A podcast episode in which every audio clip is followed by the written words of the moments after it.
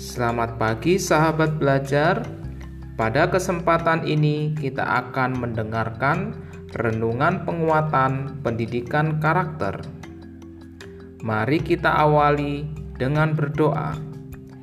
Tuhan di surga, kami mengucap syukur atas diberikannya kehidupan yang baru hari ini. Ayah dan ibu, serta saudara dan teman yang menolong saya dapat bertumbuh dalam karakter. Kiranya Tuhan Yesus menyertai kami semua. Amin. Renungan penguatan pendidikan karakter hari ini diambil dalam Amsal 1 ayat 33. Amsal 1 ayat 33 tetapi siapa mendengarkan aku, ia akan tinggal dengan aman, terlindung daripada kedahsyatan malapetaka. Tetapi siapa mendengarkan aku, ia akan tinggal dengan aman, terlindung daripada kedahsyatan malapetaka. Pesan untuk saya dan sahabat belajar adalah mendengarkan. Dengan mendengar, maka kita akan memperoleh keamanan, perlindungan. Dengan mendengar, kita dapat menerima berkat-berkat dari Tuhan.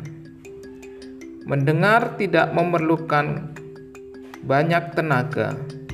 Mendengar juga tidak memerlukan banyak alat. Mendengar hanya memerlukan perhatian kita melalui telinga kita.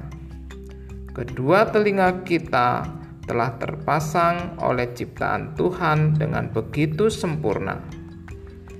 Jadi, mendengar adalah suatu pekerjaan yang sangat mudah, tetapi banyak orang tidak mau untuk mendengarkan.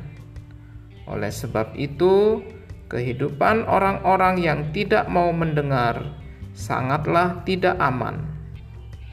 Mari, sahabat belajar, kita mendengarkan ajaran dan pendidikan ayah dan ibu kita, serta kita melakukan pesan yang tertulis dalam Kitab Amsal ini.